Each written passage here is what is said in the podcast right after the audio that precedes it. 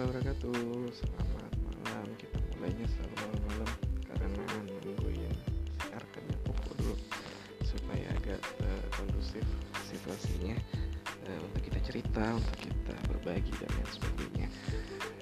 Uh, Episode pertama Kita akan ngebahas tentang Saya akan membahas tentang Cerita pertama uh, Arkan lahir Kebetulan malam ini 10 Muharram itu tepat dengan hari kelahirannya Arkan 5 tahun yang lalu uh, suatu suatu pengalaman yang sangat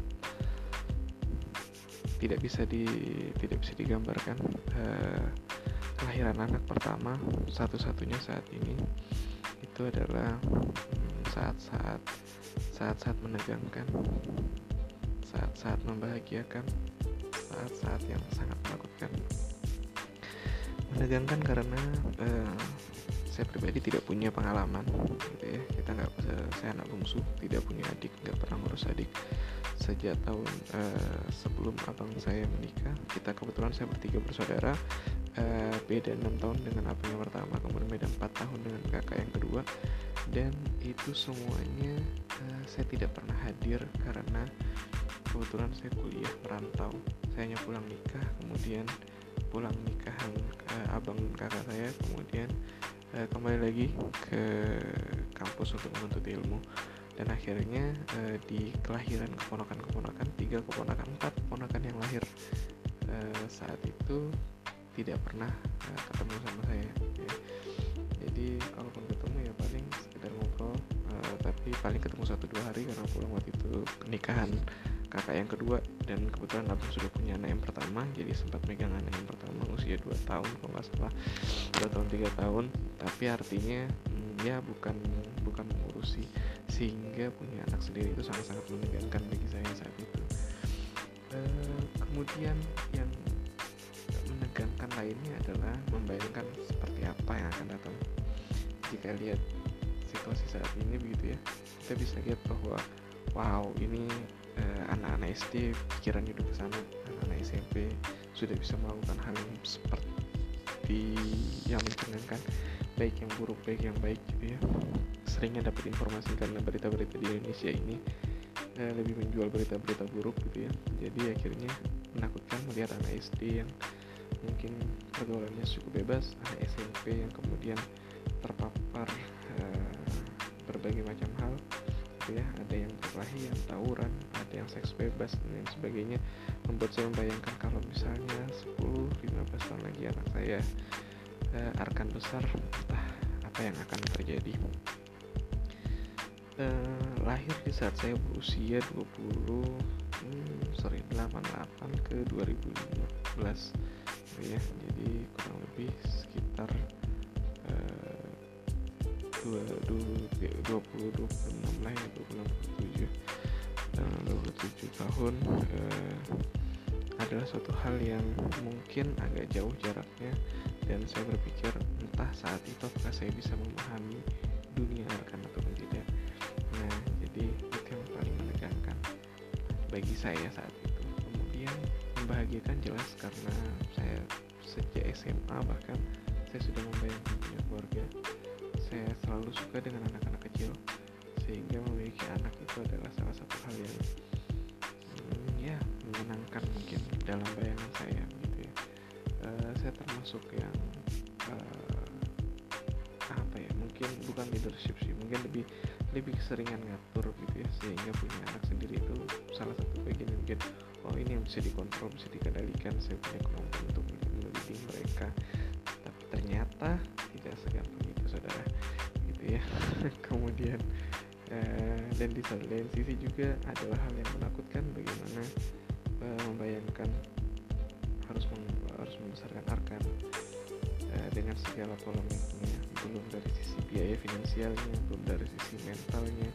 Karena kebetulan alhamdulillah diberikan cepat kita menikah kami menikah itu di Januari 2015 dan kemudian alhamdulillah Oktober 2015 itu arkan akhir uh, jadi situasinya mungkin kita belum sempat terlalu kebetulan saya kenal sama istri juga hanya dalam hitungan bulan dan kemudian kami memutuskan untuk langsung menikah. Sehingga memang uh, proses perkenalan masih dalam tahap berkenalan dengan pasangan tapi kemudian sudah ada satu anugerah ini yang kemudian juga harus uh, dihandle sama-sama kami sama-sama anak bungsu sehingga sama-sama tidak punya pengalaman. Dan wow itu uh, menakutkan bagaimana kemudian harus menjaga anak yang sekecil itu.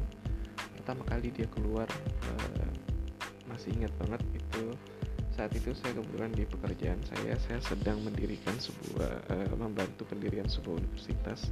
Dan kemudian saya yang diminta untuk uh, menjadi semacam penanggung jawab di area sistem informasinya dan kemudian harus melakukan revisi 11 borang 11 form pendaftaran uh, program studi di sebuah universitas. Dan itu yang uh, saya harus selesai waktu itu kalau nggak salah jam 9 malam. Uh, istri saya sudah di Cianjur kebetulan kita saya di Bandung.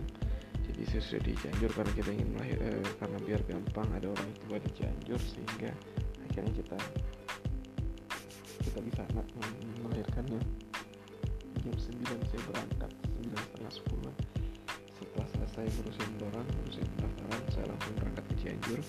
Sampai di sana itu ya sekitar jam setengah sebelasan gitu ya. Langsung ke rumah sakit. Jadi saya langsung ke rumah sakit.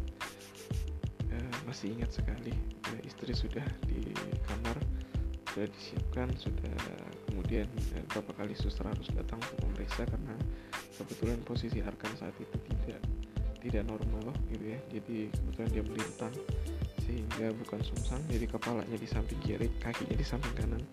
Sehingga mau nggak mau uh, dokter sudah menyatakan harus sesar kebetulan saat itu pertimbangannya sudah 3 kg sudah sudah waktunya uh, besarnya juga sudah tidak mungkin rasanya dia berputar uh, kondisi istri saya saat itu juga tidak tidak merasakan uh, mual kontraksi dan lain sebagainya karena mungkin posisinya yang uh, memang ini ya emang melintang sehingga tidak di posisi ingin keluar gitu. Uh, jadi kita menentukan sesar dan sudah direncanakan sesar itu pada pagi hari jam 6 pagi. Kita jadi dokter-dokter semuanya sudah disiapkan. Hasil pagi-pagi itu kemudian istri akhirnya dibawa ke dalam ruangan operasi. dan saya kebetulan tidak diizinkan untuk uh, menemani karena sudah cukup ramai katanya. Karena ada beberapa dokter, dokter anak, dokter anestesi, kemudian juga ada beberapa perawat di dalamnya. Sehingga mungkin uh, ruangan akan terlalu padat jika harus ada satu suami lagi di situ. Ya tapi ya sudahlah kita menghormati keputusan hmm, dokter-dokternya. Ya kita hanya berdoa dan uh, kurang lebih hanya 20 menit 15 sampai 20 menit setelah masuk dokternya kemudian terdengarlah suara tangisan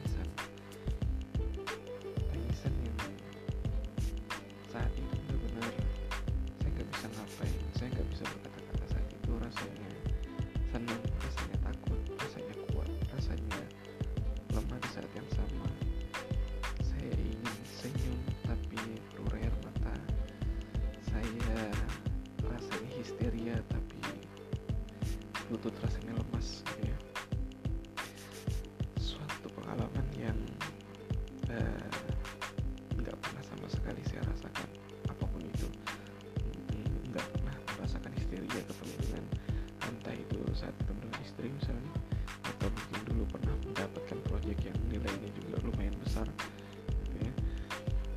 Sehingga akhirnya uh, ini adalah rasa yang benar-benar nggak bisa saya ungkapkan ketika dia keluar ditunjukkan beratnya 3,2 kilo. Kemudian saya pegang dalam gendongan saya dan kemudian mengazankan dia dan mengibukomahkan di kedua telinganya uh, saat itu saya berjanji sama Arkan nah, kita akan kerja sama-sama.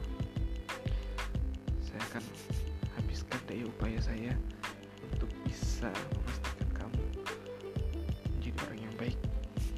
menjadi pemimpin agama yang mulia dan memuliakan sebagaimana saya nama untuk dia. Arkan Dewi Putra. Saat itu yang saya pikirkan adalah uh, saya nggak akan berusaha untuk menjadi uh, papa menjadi ayah yang menyenangkan bagi kamu. Tapi saya ingin memastikan bahwa saya akan menjadi ayah yang memang menyiapkan kamu untuk menjadi orang yang baik yang benar. Menjadi pribadi yang benar menjadi manusia yang sebenar-benarnya. Bukan yang hanya hadir tanpa manfaat tanpa berkat seperti itu uh, hari itu adalah titik balik yang merubah semua kehidupan kita. Kehidupan saya kehidupan istri dan pastinya kehidupan uh, keluarga-keluarga di sekitar kita juga gitu ya. Nah ini adalah uh, situasi yang sangat-sangat uh, tidak bisa saya gambarkan sama sekali karena kemudian ketika saya menelpon orang tua saya di Pontianak dan saya orang Kalimantan Barat di Pontianak tepatnya dan keluarga besar saya itu ada di Pontianak semua keluarganya itu keluarga istri dan kemudian saya ngomong ketika saya nelpon saya cuma bilang Pak saya panggil bapak saya uh, bapak ini Pak Alhamdulillah sudah lahir. Dan kemudian uh, ucapan selamat dan lain sebagainya doa itu cuma bisa saya dengarkan karena sepanjang bicaranya itu saya hanya bisa nangis. Saya hanya bisa nangis karena mungkin saya juga mungkin saat itu nggak tahu juga kenapa saya harus nangis gitu ya. Tapi itulah yang terjadi saya hanya bisa nangis. Sampai akhirnya uh, ibu saya juga bilang mama saya juga udah gitu ya. Bismillah. Yang sabar siap-siap uh, harus lebih dewasa uh, semua pesan-pesannya karena sekarang kamu juga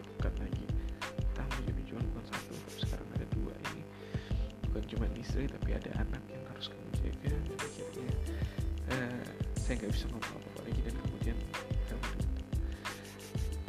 suatu perasaan yang memang memang benar-benar nggak bisa kita nggak bisa kita uh, ceritakan dan mungkin relate dengan beberapa teman-teman juga uh, mendengar podcast ini. Tapi ini menjadi menjadi uh, suatu titik balik.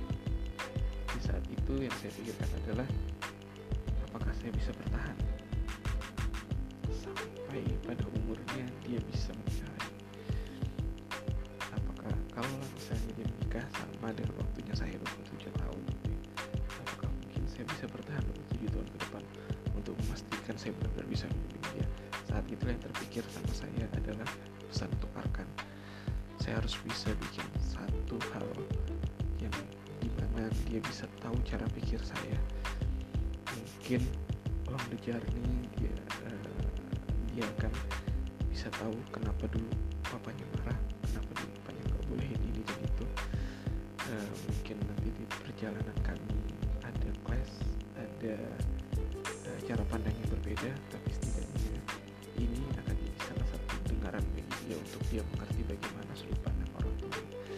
Sudut pandang papanya sudut pandang papanya dalam membesarkan dia. Karena saya percaya saya termasuk yang melepaskan saya memilih untuk tua yang melepaskan dia jadi apa ke depannya.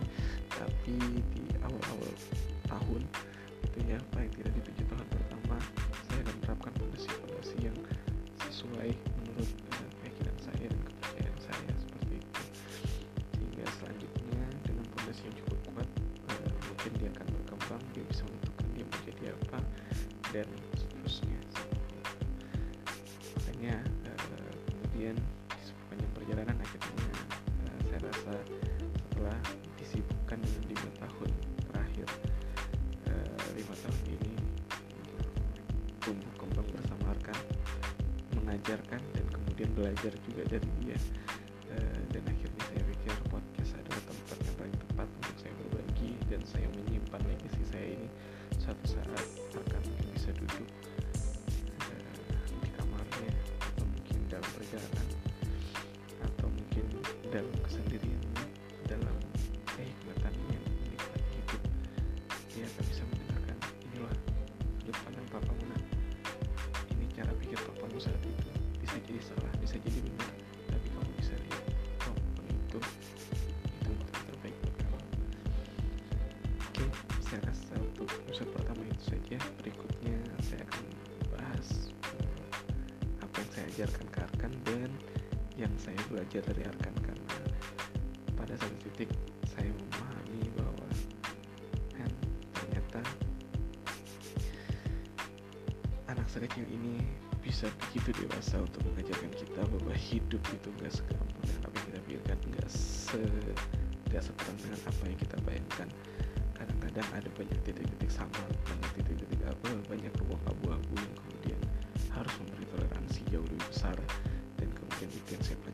20 dari anak usia 3-4 tahun. Ketika dia baru baca, ketika dia sudah cukup lancar untuk berbicara dan kemudian menceritakan banyak hal dan kemudian eh, berargumentasi dengan banyak hal. Oke saya rasa itu saja untuk malam ini. Kita akan ketemu lagi insyaallah besok berbicara bicara tentang berbagai hal yang saya pikirkan tentang Arkan dan apa yang saya pelajari dari Arkan. Semoga ini bisa menjadi legacy buat Arkan dan semoga juga bermanfaat buat setiap pendengar uh, ayah-ayah, papa-papa, bapak-bapak, abi di luar sana uh, mungkin uh, menjadi sebuah referensi, mungkin menjadi sebuah uh, bahan diskusi dalam uh, dalam membimbing anak-anaknya. Oke, terima kasih. Wabarakatuh.